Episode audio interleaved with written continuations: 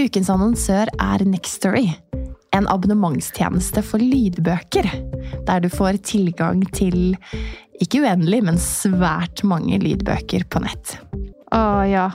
Et helt univers, rett og slett. For meg har det passet perfekt nå i vinterferien. For da har jeg hatt ekstra tid eh, til å gå lange turer og lytte til bøker. Og så har jo vi en date i kveld, eh, Ingvild. Eh, vi skal på teater og se Anna Karenina. Så da bestemte jeg meg for å bruke Next Story for å lese gjennom den på nytt.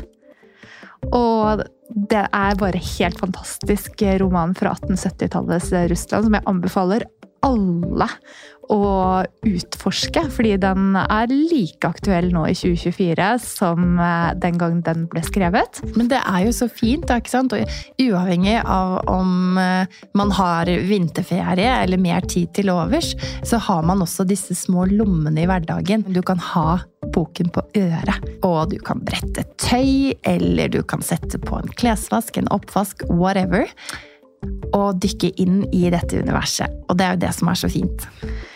I, eh, I, tillegg, da, når uh, disse små Dine kommer med den samme boken for 15. gang, Ingvild, og spør ja. mamma kan du lese denne, så er selvfølgelig det veldig hyggelig, men det kan også være eh, vel så hyggelig å, å få eh, boken servert fra noen andre, så kan man lytte sammen.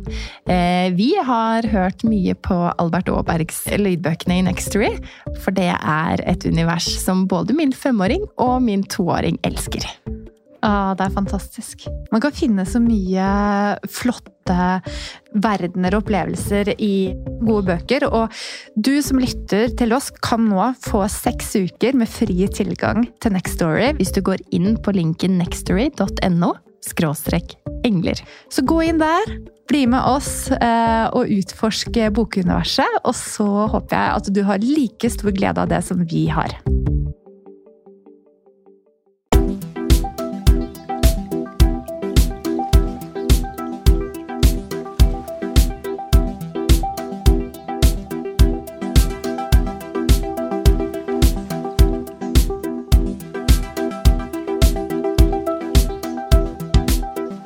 Velkommen til Engler og hormoner. Inspirasjon og ny kunnskap om helse, selvutvikling og livsstil.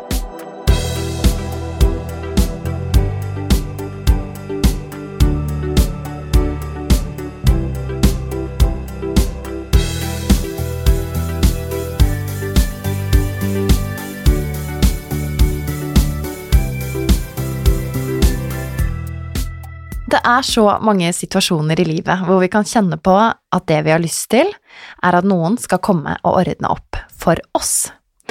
Eller det kan være lettere å skylde på ytre faktorer eller andre mennesker på hvorfor ting er blitt sånn eller sånn, og unnskylde oss.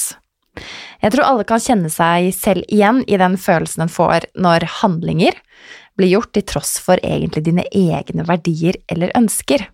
Og det kan være en sånn dyp, vond følelse som stikker langt ned i brystet, men som du forsiktig forsøker å dytte bort.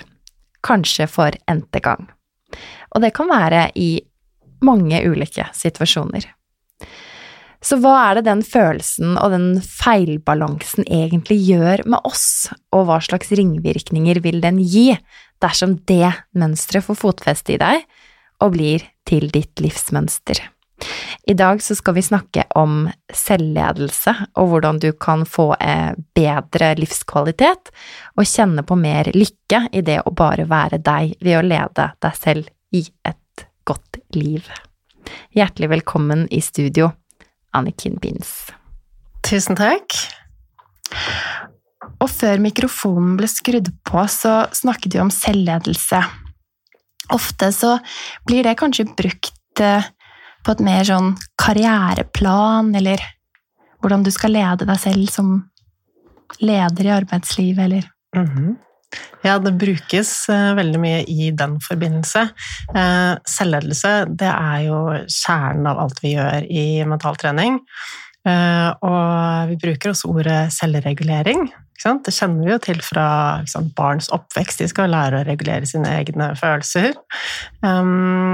Og jeg bruker det hver dag når jeg jobber med mine kunder, og jeg bruker det like mye når jeg jobber med lederutvikling, som når jeg jobber med et enkeltindivid. Og vi er veldig vant til å bruke begrepet i arbeidslivet. Så selvledelse er hvordan du påvirker deg selv. Det er hvordan du regulerer dine tanker og følelser, og dermed atferden din. Mm. Så det er spesielt nyttig i altså alt som har med dagens arbeidsliv å gjøre, fordi at uh, i dagens samfunn så kreves det en stor grad av selvstendighet. Og arbeidstakere de krever også å ha mer frihet og selvstendighet. Mm. Og da kreves det at vi kan regulere oss selv. At vi kan lede oss selv. At vi vet når vi legger fra oss eh, mobilen, f.eks. Vi vet at når vi setter oss ned for å gjøre et stykke arbeid, så gjør vi det arbeidet og ikke noe annet. Eh, vi kan kontrollere følelsene våre i møte med andre. Er vi egentlig ganske sinna, så trenger vi kanskje ikke kjefte høylytt på den andre personen. Det er mange aspekter av selvledelse. Mm. Så Anniken, hva er egentlig selvledelse? Selvledelse er å kontrollere egne tanker og følelser og atferd. Og eh, atferden er et resultat av det vi tenker og føler, så det handler i stor grad om å være bevisst på det som skjer inni oss. Og alt som vi ønsker å få til i livet, det krever at vi kan regulere oss selv eller lede oss selv på et eller annet nivå. Har vi lyst til å komme i god form, så må vi lede oss selv.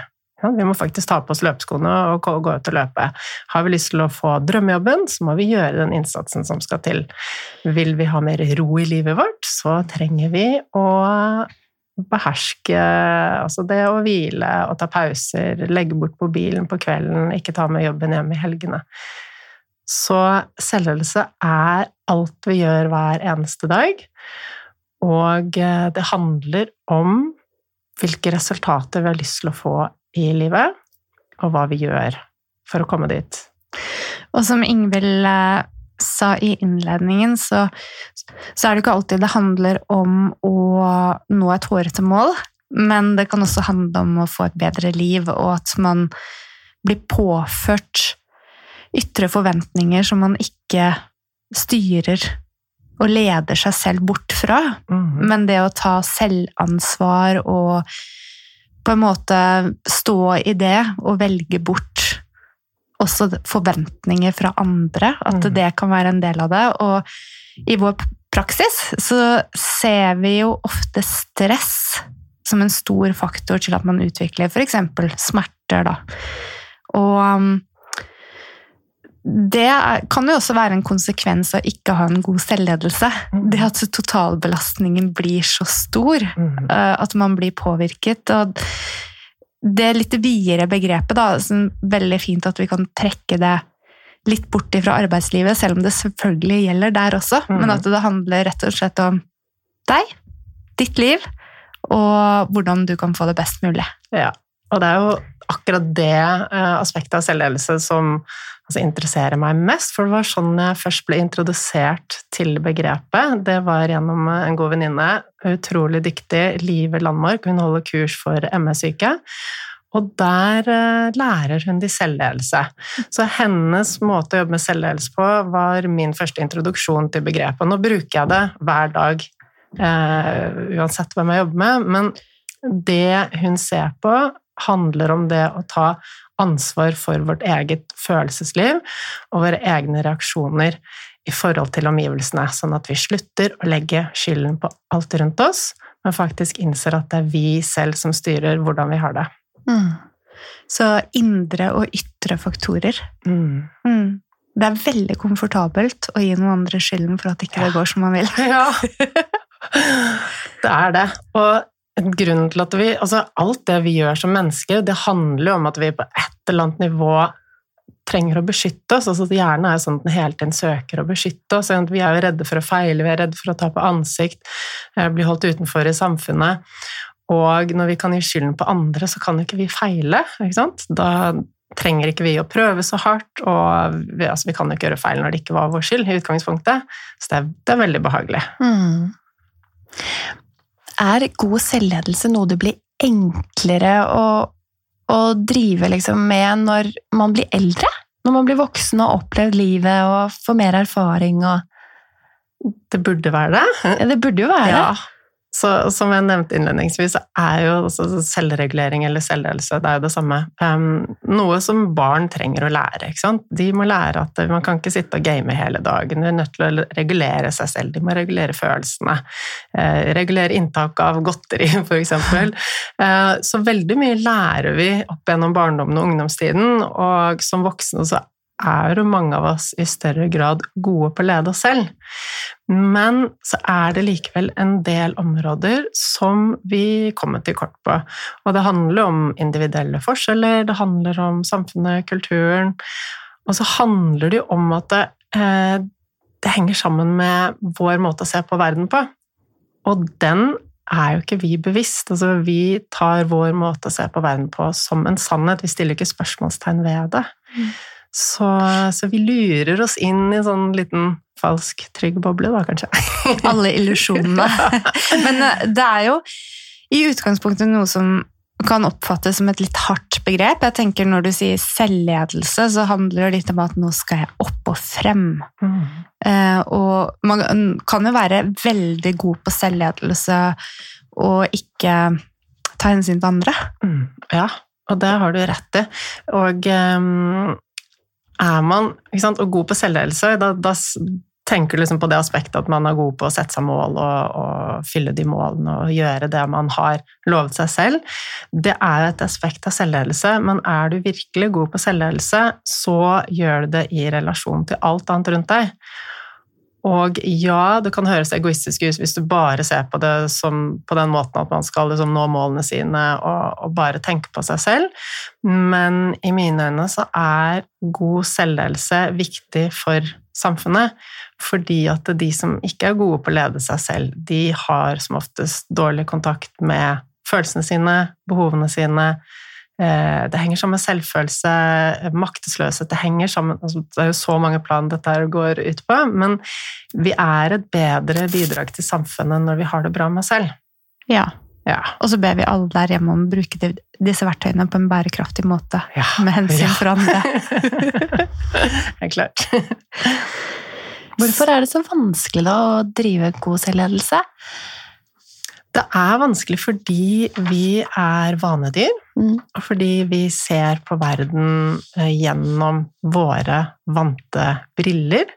Så det på en måte de stedene hvor vi kanskje er litt dårlige på å lede oss selv, ehm, der, det legger vi ikke merke til.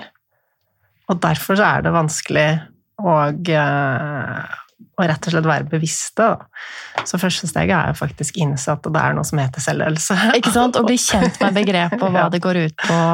Ja. Og det må jo være litt av målet i dag, da.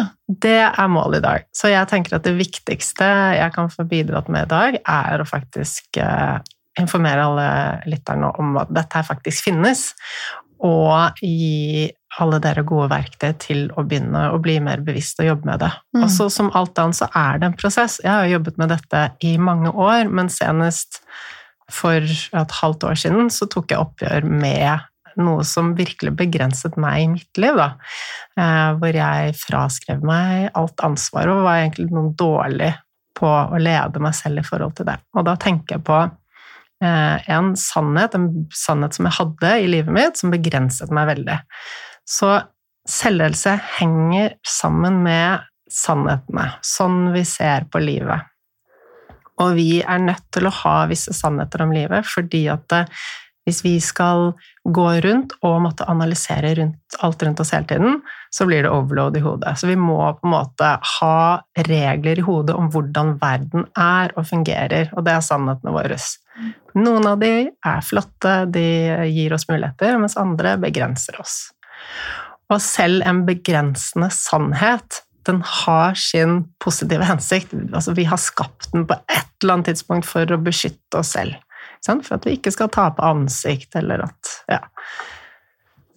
Så um, ja. Vil du komme med eksempel? Ja, jeg kan komme med eksempel på um, en begrensende sannhet. Så jeg hadde en begrensende sannhet som jeg jobbet med i år. Og det var og, og det med sannheten er at vi legger ikke merke til det. Sant? Fordi at de er sannheter, så stiller vi jo ikke spørsmålstegn ved det. Så jeg hadde gått med denne sannheten veldig lenge, og plutselig så sto jeg på kjøkkenet en dag og tenkte men vet du hva, det, det, her, det her begrenser jeg meg selv. Mm. og det var rett og slett uh, det at jeg sa til meg selv at så lenge mannen min er i den jobbsituasjonen han er nå, hvor han jobber 24-7, eh, så kan ikke jeg jobbe 100 fordi eh, da Altså, det går ikke med små barn og alt som det kreves å drifte en husholdning da når alt ansvaret faller på meg. Så jeg sa til meg selv veldig lenge at jeg får ikke jobbet 100% når situasjonen er sånn. Og plutselig så innså jeg at vet du hva, nå har jeg bare lagt begrensning på meg selv. For det er jo ikke sant. Det kommer helt an på hvordan jeg tolker det. Og så lenge jeg sier at det er ikke mulig, så slutter jeg å undersøke muligheten. Jeg la alt ansvaret på mannen min, og sånn kunne jeg sikkert fortsatt i mange år. Og så kanskje hadde endt opp med bitterhet og veldig skjevhet i forholdet. Um, som jo er det mange ofte gjør. da, Man legger skylden på en det er den andre personen som gjør meg lykkelig, eller eh, som mm. begrenser meg, eller et eller annet sånt noe. Så jeg innså da at ok um, hva, Så tenkte jeg at ok, jeg sier til meg selv at jeg kan, kan jobbe 100 Da må jeg først tenke det var 100% Må det være 9 til 4, eller kan det være litt innimellom her og der? Um, og hva er 100% for meg? Uh, det treng, For meg så er det at jeg får gjort de tingene som jeg mener jeg trenger å gjøre for å opprettholde altså, jobben min. Det er jo ingen andre enn meg som definerer hva 100% er. Det behøver ikke være 9 til 4. Så vi kan alltid tenke på andre kreative måter.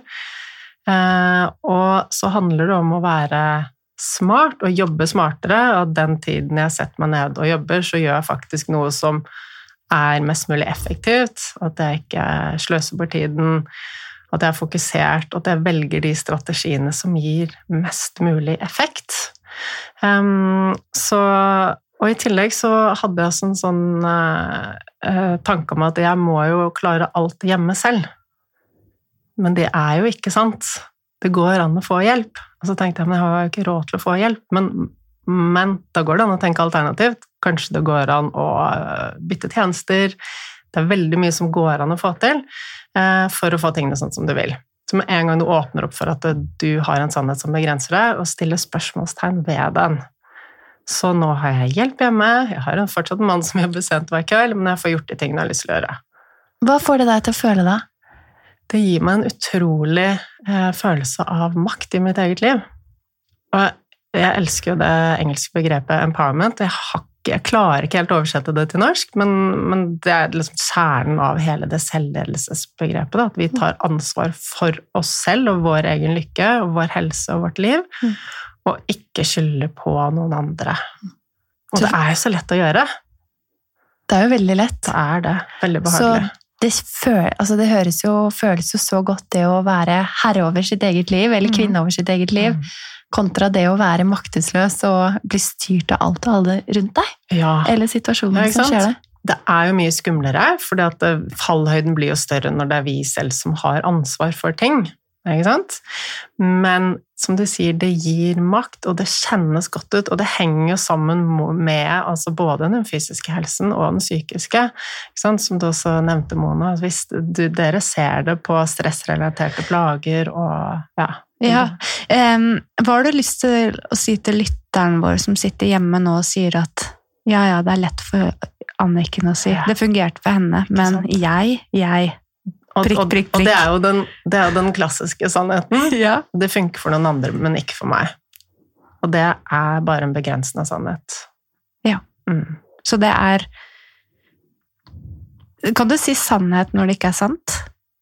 Eh, ja, vi, ja. vi kaller det en begrensende sannhet, ja. eller også kaller vi det for en overbevisning. Ja, ja. da forstår jeg. Um, Ingvild hadde et poeng tidligere om dette med norske folkesjeler og janteloven. Altså at det ligger litt i oss det at vi har en måte vi skal være på, og du skal ikke gjøre noe utradisjonelt. Mm. Dette her er jo litt utradisjonelt. Ja. Er, det, noe i kulturen vår som har gjort at det er vanskelig for oss å gjøre den snuoperasjonen som du har klart ja. å gjøre nå? Ja, så dette her har ikke jeg lest noe forskning på, så det blir jo synsing fra min side. Men det er klart at vi påvirkes av alt rundt oss, og kulturen i samfunnet er en viktig del av det. Vi har janteloven, vi skal ikke stikke oss frem, vi skal ikke tro at vi er noe. Eh, så det er klart at det påvirker oss på så mange nivåer, og jeg jobber mye med å bygge selvfølelse eh, hos folk, og da er det klart det er en begrensning på oss, fordi at vi er vant til å tenke sånn. I tillegg så er altså, all ære til den norske stat og det norske helsevesenet. Jeg er utrolig takknemlig for det samfunnet vi lever i. Men så er det også en liten ting vi um, Når vi er barn, så er det foreldrene som ordner opp for oss. Når vi nordmenn er voksne, så er det staten som ordner opp for oss. Det er lett å gå inn i en litt sånn passiv rolle. Ja, men staten skal jo ordne opp. Nav skal jo gi meg de pengene. Jeg ble mobbet da jeg var liten, så jeg har krav på erstatning.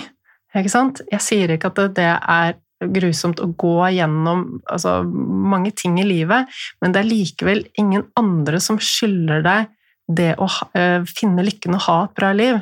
Ikke sant? Ja, vi kan være gjennom masse, masse, masse grusomt, som virkelig er noe uh, heavy som vi kan slite med i livet vårt, men det er likevel til syvende og sist Jeg vet at det høres litt sånn lettvint og sleivete ut, men til syvende og sist så er det opp til oss hvordan vi bruker de utfordringene vi har vært gjennom, mm. til å komme oss videre i livet. Vi kan alltid snu det på en eller annen måte. Jeg sier ikke at vi skal gjøre det alene, det er utrolig nyttig å få hjelp av en terapeut, men det er litt sånn i det norske samfunnet at vi er så vant til at staten ordner opp. At vi ikke tar ansvar for vår egen lykke og helse. Og, og helsevesenet også er litt sånn alt er jo Vi trenger jo ikke betale for noe, alt er tilrettelagt, og det blir jo lett sånn at vi bare går til legen, og så får vi beskjed om noe, så, så er det sånn det er. Ja, eller bare 'jeg har vondt i nakken, skuldre, eh, tidvis hodepine'. Jeg går til behandling. Får eh, et sett med øvelser som skal hjelpe meg. Mm. Men det er jo du som skal gjøre meg frisk. Du som står og ja. jobber og manipulerer ja. og det er et veldig godt eksempel. Mm. Ja. Og, og, og, det gjelder også de tingene jeg jobber med Jeg skaper jo ikke endringen hos folk. Det, holder ikke å høre på denne podkasten eller lese en bok eh, eller være på en time med meg og så få litt verktøy. Det skjer ikke noe hvis du ikke bruker det. Mm. Og, og, det er mest behagelig når noen andre fikser oss, men det er ikke da vi skaper endring. Det er veldig mange situasjoner i livet der vi kan kjenne på at vi har litt lyst til at noen skal komme og ordne opp for oss. Da. Mm. Og for deg så var jo det litt av løsningen for å komme igjennom din begrensende overbevisning også. Mm. Hvordan skal vi differensiere dette med hva er å legge belastningen på andre, og hva er å ta ansvar for seg selv? Ja, det tror jeg er bare et eh, kjønnsspørsmål. Det er ikke noe klart svar på hvor vi differensierer. Men det er ikke feil å be om hjelp. Det er det ikke. Men vi kan ikke forvente at noen andre skal ordne opp for oss. Da bør vi i hvert fall prøve selv. Jeg tror det er veldig stressende for folk å høre at du sier det. Vi bor i Norge, verdens beste land. Jeg vet. Og det som er, er at uh, dette er en prosess. Vi kan ikke snu på alt i livet vårt på dag én. Sånn? Vi begynner et sted, og så begynner vi å ta ansvar der. Over en periode. Og så er vi fornøyd med det, med den følelsen det gir oss av å ha makt i eget liv. Det, det hjelper oss til å bygge selvfølelsen vår med å ha det bra med oss selv og i livet vårt. Så det, det har så mange gode, positive effekter. Og så har vi først tatt ett steg, og kanskje det er det ene steget er det eneste du gjør da, det neste året, så er det kjempebra. Og så plutselig så begynner du å se at ja, her er en liten ting til jeg kan endre. Mm. Så det er ikke snakk om at vi fra en dag til en annen skal totalforandre oss. Vi har jo brukt eh, Altså, jeg er 43 år nå, jeg har brukt 43 år på å bli, komme dit jeg er i dag. Det er ikke gjort på en måned eller to å bare endre alle de mentale mønstrene. De sitter jo så dypt. Jeg ser for meg et kart, da. Eh, eller en overbevisning om at jorda er flat, på en måte. som en sånn begrensende sannhet. Og så får du se virkeligheten, eh, og så må du gjøre endringer for å få det nye livet til å passe til kartet. Mm.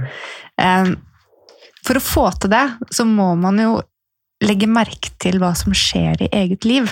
Altså, jeg vil jo tro at noen av disse mønstrene som vi kanskje trenger mest å jobbe med, de er så etablerte og vane, vane for oss at ja, det er vanskelig å vite hvor man skal starte det. Så hvor man starter, eh, det, det beste stedet å starte er med å sette av tid til å reflektere. Og nå tenker sikkert alle at å, herregud, jeg har jo så mye å gjøre hver eneste dag. Jeg har ikke tid. Det er jo en sannhet. En begrensende sannhet. Fordi vi har tid. Det har vi, og vi velger selv hva vi fyller den tiden med. Eh, Så det er kanskje en fin overbevisning eller begrensa sannhet å starte å jobbe med. Den har jeg jobbet mye med selv i det siste. Det, er som, det ser ut som dere føler som dere er truffet der. Jeg bare tenker eh, ja, Det er litt morsomt å sjekke da eh, skjermbruk. Ja. Hvis du sier du ikke har tid. Ta litt titt på Ja. mobilen og se hvor mye tid du har brukt der, eksempel. Ja.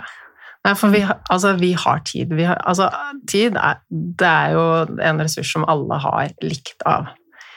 Så kommer det helt an på deg selv hva du putter inn i den tiden. Fordi veldig mange av oss er inne i et sånt hamsterhjul, og dette kan vi ha en helt annen episode om, men eh, hvor vi egentlig bare stapper dagene fulle med gjøremål. Fordi vi forventer av oss selv, vi tror samfunnet forventer av oss, og, og, og fordi mange syns det er skummelt å egentlig møte seg selv og sine egne tanker og følelser. Det er lettere å holde ting i gang. Pluss at det blir en vane, og det blir ubehagelig når vi møter ro. Um, så ja, Utropstegn. Ja, det gjør det. Ja. Um, eh, og, eh, så, og det er en sannhet, og det er et veldig veldig fint sted å starte. Skal du gjøre én ting med selvledelse? Fordi selvledelse handler jo om hele livet ditt. Det handler om deg selv, hvordan du er med deg selv og har det med deg selv, og hvordan du er i relasjon til de andre. Sånn? Vi nevnte at det er noe vi bruker veldig mye. Jeg bruker det når jeg jobber med lederutvikling, når vi snakker altså Alt som har med arbeidslivet å gjøre, det krever at vi kan regulere oss selv og lede oss selv. Og i dagens samfunn, hvor vi da er på 24-7 og bare bombarderes med alt hele tiden, så krever det en enorm stor grad av selvledelse å sette grenser mellom jobb og fritid, mellom skjermbruk og familietid, ikke sant? Eh, Å få til den balansen, det, det er jo utrolig vanskelig, men det er en viktig del av selvledelse, det å ha balanse i livet. Hvis du har en sannhet om at eh, jeg bør sove så, så, så mange timer om dagen, jeg bør trene tre ganger i uken og spise den og den maten, så krever det selvledelse å faktisk få det til. Å ta de valgene hver eneste dag. Så mange som hører på nå og tenker kanskje åh, må jeg sette i gang med noen svære greier, selvledelse, hva er det? Men det handler om det vi gjør hver eneste dag. Det trenger ikke være at du skal jobbe med deg selv for å kunne fullføre et maraton. Det handler like mye om at du tar det gode valget når du står opp om morgenen. Du tar det gode valget for deg selv når du skal lage middagen eller dra på deg joggeskoene eller hva det er, da. Mm. Eller legge bort mobilen. Så, så ja, balanse er en veldig, veldig viktig del av selvledelse. Men startstedet, uansett, for å bare skjønne litt om seg selv og de begrensningene eh, som man lever etter, handler om å stoppe opp og ta seg tid til å reflektere. Og det krever selvledelse for å få til det, selvfølgelig. Har du noen verktøy som du kan foreslå å bruke for å starte prosessen? Ja, altså i forhold til det å ta seg tid, så tenk Nei. Ja. Jo, jo, absolutt. Jeg tenkte litt på det med refleksjoner også. Lure at- spørsmål å stille seg selv. Ja, altså jeg tenker, altså Først og fremst så må jo du bare tenke at dette er noe som er viktig for deg. Mm. Hvis du ikke er overbevist om at det er viktig å, å se litt mer nøyere på deg selv og dine mønstre, så, så kommer du til å slite med å sette av tid til det. Så første startstedet er, som jeg sa, tid til refleksjon, og det krever selvledelse å få til. Du må gjøre det viktig for deg at du skal sette av den tiden, og det kan bare være at når du tar bussen hjem fra jobb, så legger du bort mobilen, eller at du velger å gå. Når vi bruker kroppen, så er vi, vi tenker bedre, hjernen er mer kreativ, ikke sant? Så det er lettere å bare la tankene vandre og få litt perspektiv. Så bare lag en plan for deg selv. Hvordan skal du sette av tid til refleksjon? Om det er å gå en tur, eller om det er å bare droppe den lydboken når du tar oppvasken, eller hva det er. Og du får litt tid til tankene dine. Og tankene, hvis de kommer igjennom som ord, da, Mm. eh, så er det litt ulike toner vi bruker til oss selv Mm. når vi sånn, snakker til oss selv. Mm. Det med bruk av um, språk Ja. for å kunne skape god selvledelse. Ja. Der er det mye vi kan jobbe med. og vi vet jo at alt det vi hører, eh, og alt det vi sier, selv også, det påvirker oss. Og mye av det vi sier til oss selv, og det vi sier som reaksjon på ting rundt oss, er vaner. Så det er ting som vi sier og gjør uten at vi egentlig tenker over det, men det påvirker oss hele tiden. Så og jeg har sagt det før, og det, jo, det blir nesten litt sånn at jeg gjentar det, men å, å bli bevisst på hva vi sier til oss selv, og, og hvordan språket vårt er, rett og slett. Og så begynne Det viktigste er da å begynne å stille spørsmålstegn ved de tingene du sier til deg selv, om hvorvidt det er sant. Ja. Og noen ganger så er det kanskje bare nok til at det bare går opp et stort lys for deg. og da har du et godt utgangspunkt å begynne å jobbe med noe. Fordi tenker- alt blir tolket som en sannhet i vår egen hjerne. Ja, vi må jo det. Mm. Det er jo vår måte å liksom legitimere vår eh, tilstedeværelse og de tingene vi gjør, at vi tar de valgene vi gjør, og så, så skaper det trygghet. Noen ganger så gjentar vi jo selv ting som vi har hørt fra andre, Ja. og gjør det til vår sannhet. Som em, gjennom oppveksten Nettopp da hvis man er og har opplevd mobbing, eksempel. Mm. At man kan fortsette å snakke til seg selv på den måten og skape det som et eget indre dialogmønster, selv om det egentlig kom fra andre, og så blir det en Mm. sannhet. Mm. Er de em, overbevisningene vanskeligere å endre på enn de du har skapt selv? Det vet jeg ikke. Det kommer helt an på intensiteten i altså hvor, Jo mer følelser vi har knyttet til noe, jo sterkere sitter det i oss. Så henger det mye sammen med altså, hva som er viktig for oss, hva som trigger oss. Jo altså, dypere det trigger oss, jo, jo vanskeligere vil det være å endre på det. Og det ser man jo i forhold til hormonell reaksjon på stress, eksempel også. Mhm. At man, hvis man fortsetter da å trigges, så vil jo det påvirke kroppen også. Ja, Mm. helt klart. Og gi utrygghet. Ja.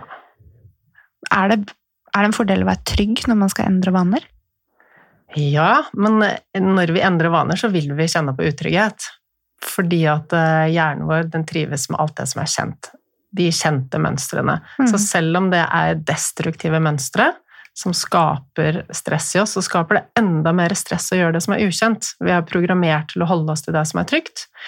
Fordi da vi levde som jegere og sankere, så var jo alt det som var nytt, potensielt farlig. Mm. Sånn at vi, vi trekkes mot det som er kjent og trygt, de kjente gamle mønstrene, og det krever også mye, mye, mye mindre energi å å bare repetere det. Så, så ja, tilbake til spørsmålet ditt. Det er jo en fordel å eh, kjenne at du at det ligger til rette i andre områder av livet ditt. Altså du er trygg ellers, hvis du skal ta oppgjør med en ganske heavy ting, da. Ja.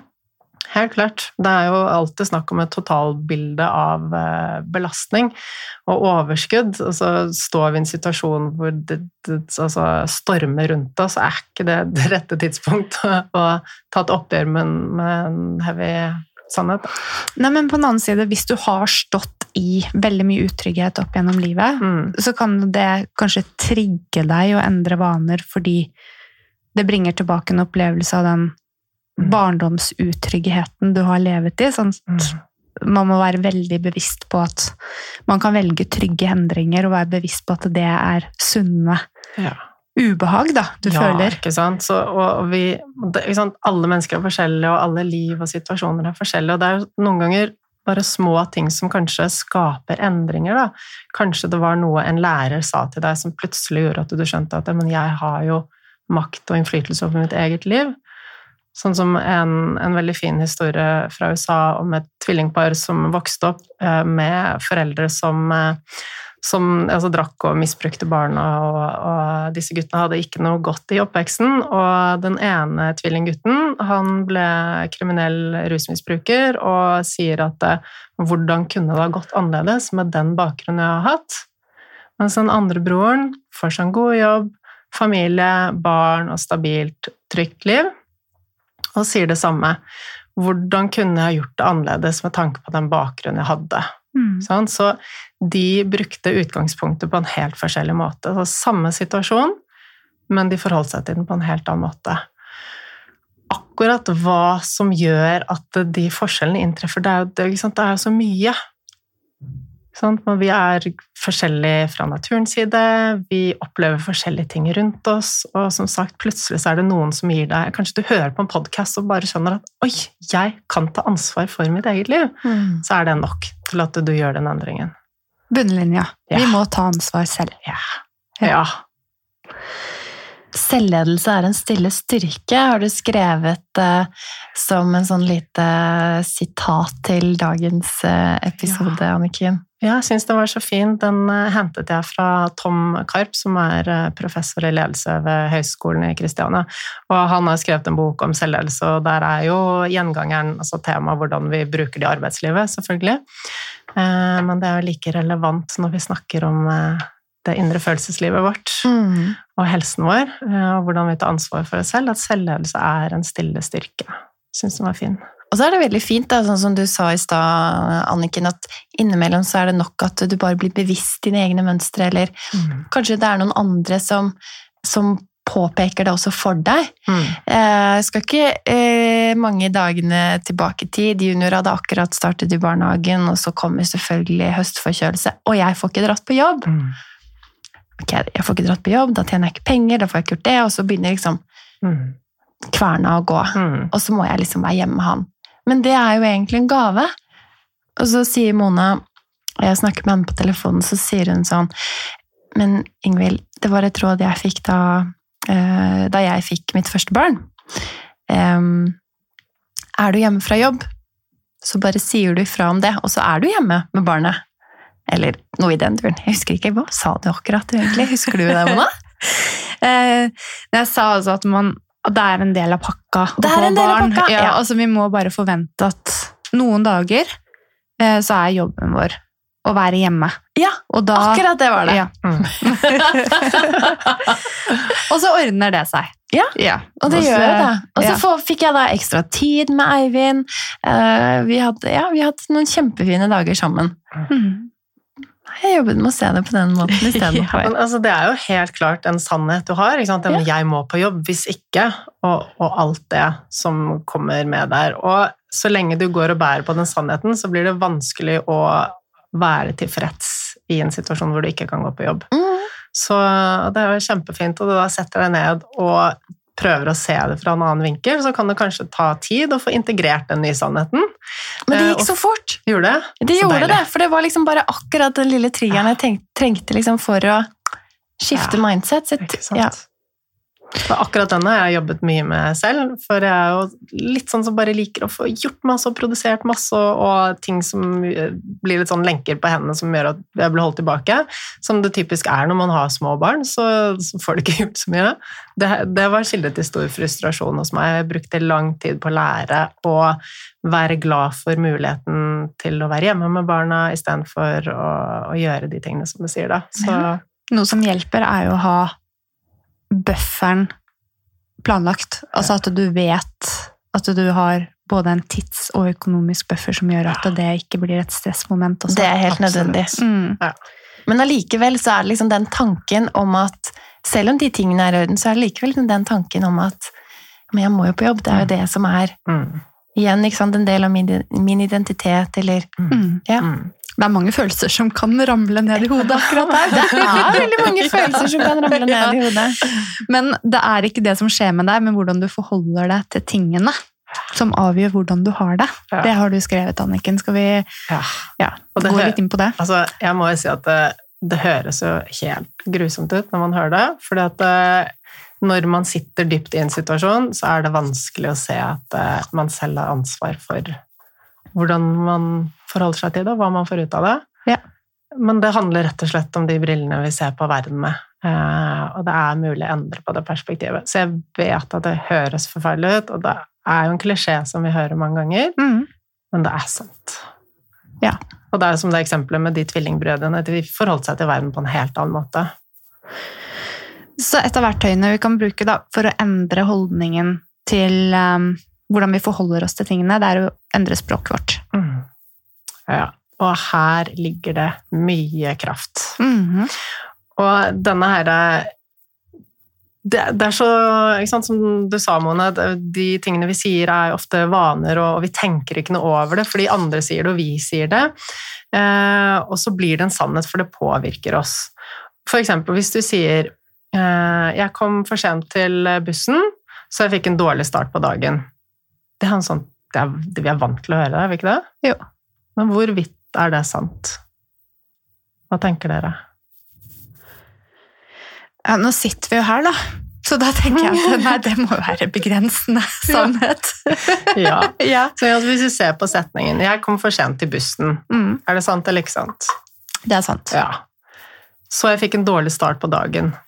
Det er ikke sant. Nei, eller det trenger ikke være sant. Mm. Ikke sant? Vi har bare tenkt at ja, men jeg drakk ikke bussen, da- ergo er det en dårlig start. Men det, bør ikke, det trenger ikke være det. Det handler om hvordan vi reagerer på den hendelsen. Vi kan tenke at ja, ok, greit, det kommer en ny buss om ti minutter. Blir litt stress når jeg kommer på jobben, men det går greit. Mm. Ellers kan vi tenke nå er hele dagen ødelagt. Alt kommer på skeive. Det er veldig lett å si når vi sitter her. Men eh, hvis du ja, er i situasjonen, så kommer jo ofte den reaksjonen litt mer som en refleks. Ja, det gjør jo det? Mhm. fordi det er et mønster som, som er innarbeidet i oss. Mm. Men første steget til å endre på disse mønstrene er rett og slett å bli bevisst på det. Mm. Fordi at når du gir fra deg makten over din lykke til det å komme for sent til bussen, eller f.eks. det at du sitter i kø, da. du blir sittende i trafikken, det tar to timer ekstra å komme til hytta på fredag, Mm. så blir du i dårlig humør, og du blir stresset og du blir sint og alt det. Mm.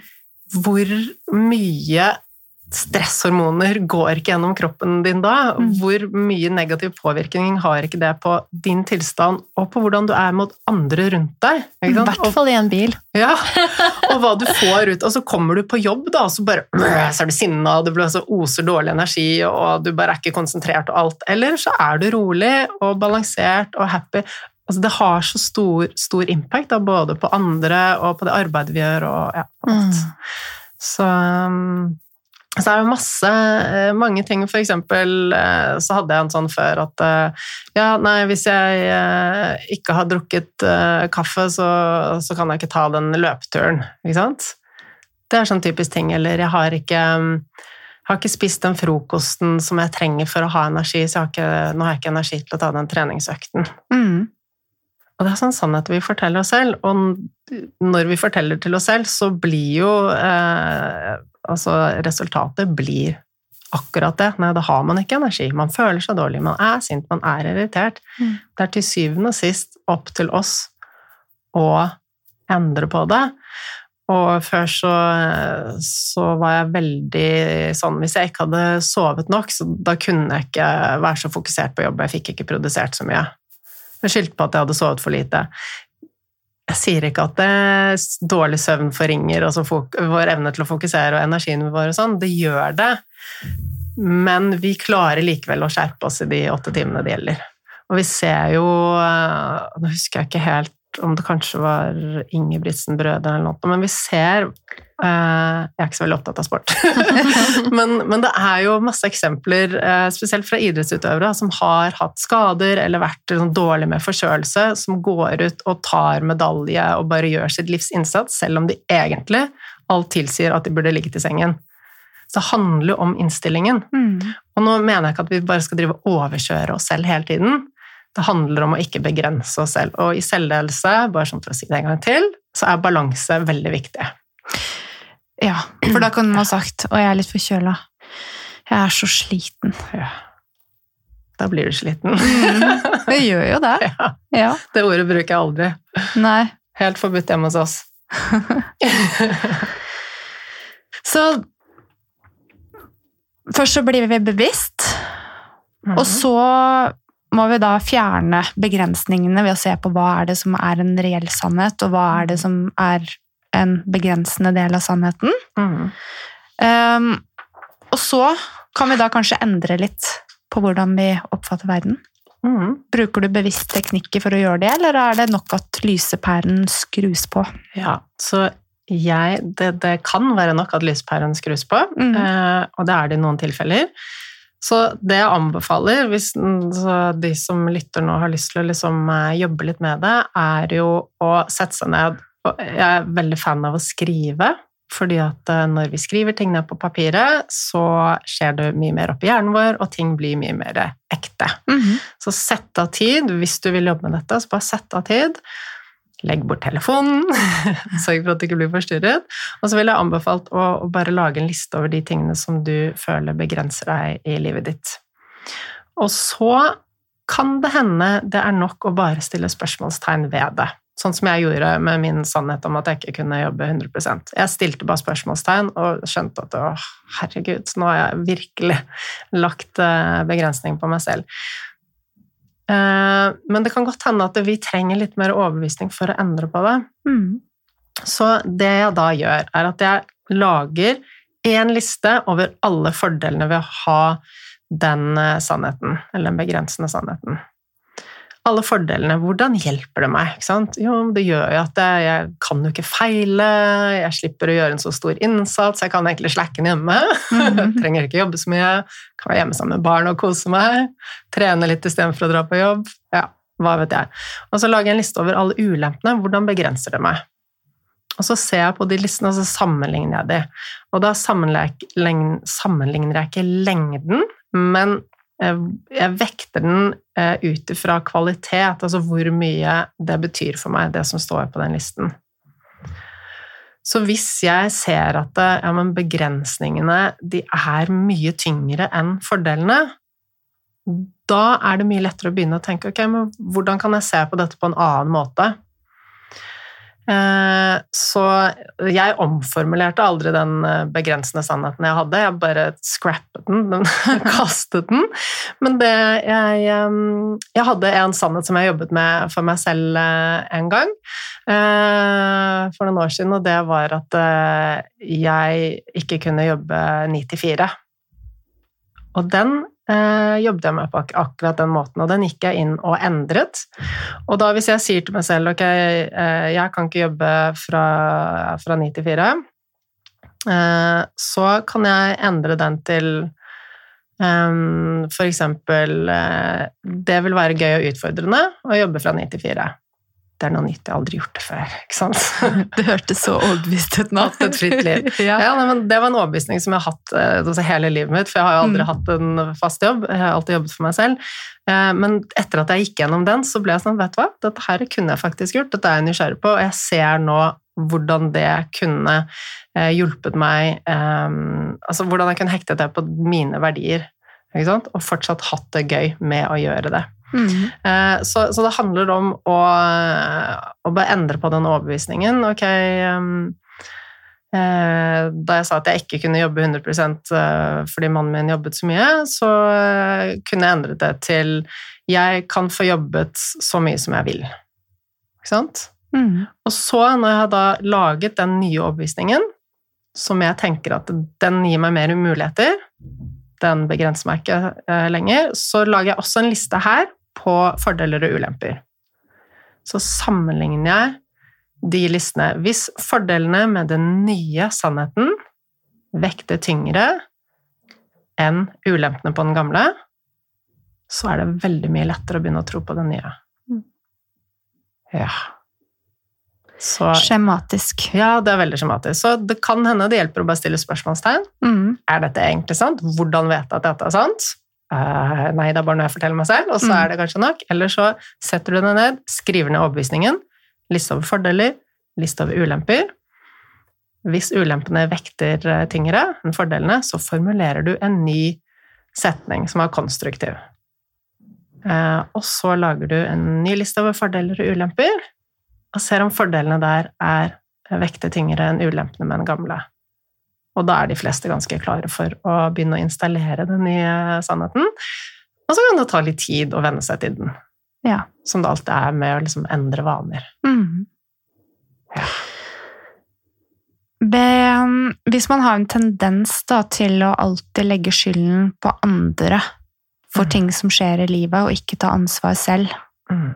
den kan være ganske tung å snu på.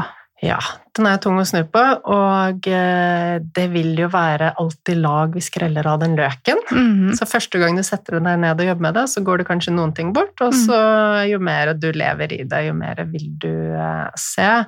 Eh?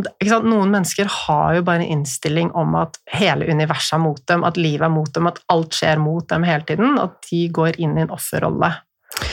Og det kan kanskje være litt lett å se da hvorfor faktisk ganske mye går imot det. Ja. ja. Men det jeg ville gjort, da eh, Med mindre du er altså Er du en type sånn som går inn i offerrollen hele tiden, så er det jo mye tyngre å snu dette skipet. Mhm. Eh, Men alle har vi en grad av å gå inn i offerrollen. Jeg, jeg gjør det selv. Altså, eh, ikke sant? Så er jeg ute og surfer, og det er egentlig helt kaos ute i bølgene, og så får jeg ikke til noen ting, og så, og så er det jo alle andre sin skyld, og i hvert fall forholdene sin skyld, at jeg ikke får til noe. Så vil jeg egentlig at mannen min skal komme ut og hjelpe meg. Så kommer han ikke, og han ser ikke når jeg sitter og vinker engang. Så blir jeg sittende der ute alene. Og så må jeg ordne opp selv. så alle har vi en grad av dette. Ja. Og da er det bare sånn «Å, Jeg har så lyst til at noen skal komme og ordne opp. Og så Nei. Oi, må ikke klare det selv. Og så, og så funker det jo. ikke sant? Så kommer du tilbake på land, så, bare, sånn, så er du egentlig sånn der, og så har du vært gjennom en skikkelig opplevelse av at ting, masse ting gikk galt, og ting liksom skjedde sånn og sånn, og så er det ingen andre som har fått med seg alt det du har vært gjennom, så sitter du og bare klarte situasjonen på egen hånd, og alt er fint igjen. Så, så ja, vi er jo i sånne situasjoner daglig hele tiden. Eller når du liksom går opp eh, alle trappene, og så det ryker bæreposen, og så alt maten utover trappen, og så er det ingen som ser meg og hjelper meg nå, eller? Nei, så må man liksom ordne opp for seg selv. Mhm. Så går det greit. Så altså, det kan være sånne enkle bagateller, og det kan være sant, de store, store, dype tingene også. Vær litt oppmerksom på det også, når Ja. man reagerer. Ja. Hva, hva er rasjonelt her? ja. Mm. Så, og, og jeg sier ikke at vi skal liksom bli helt sånn maskiner som ordner alt for oss selv, og at vi liksom ikke har lov til å ønske oss litt hjelp en eller annen gang iblant, men det jeg sier er at vi, vi skal ta tilbake kontrollen over eget liv, fordi at det skaper god helse, det skaper lykke, det Mm. bygger selvfølelse, det gjør oss bra, og det gjør samfunnet bra. Så tilbake til det du spurte om. Jeg ville satt meg ned igjen og skrevet og laget en liste over de tingene i livet som eh, jeg vet jeg kan kontrollere, eh, og hva jeg ikke kan kontrollere. Ikke sant?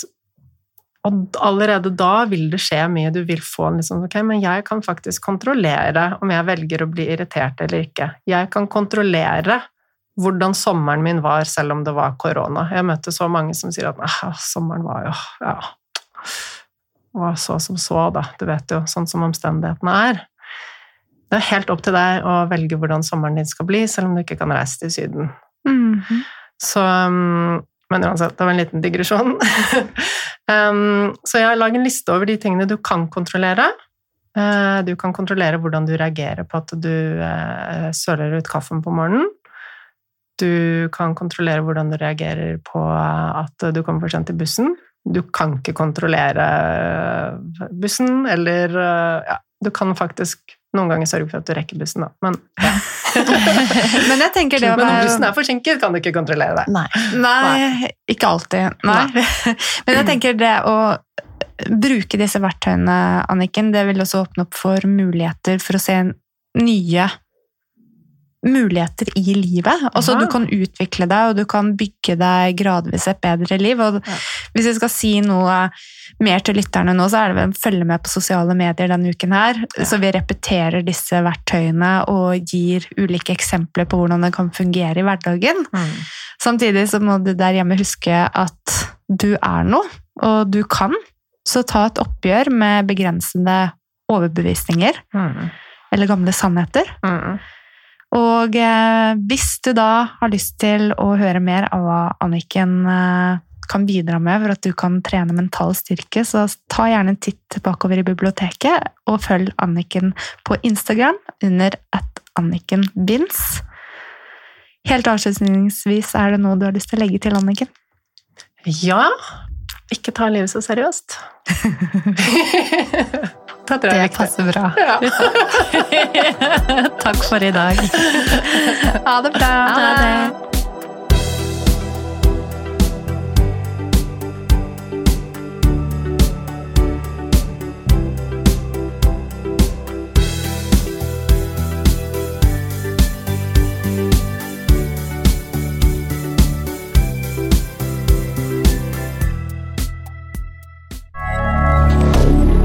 Moderne media.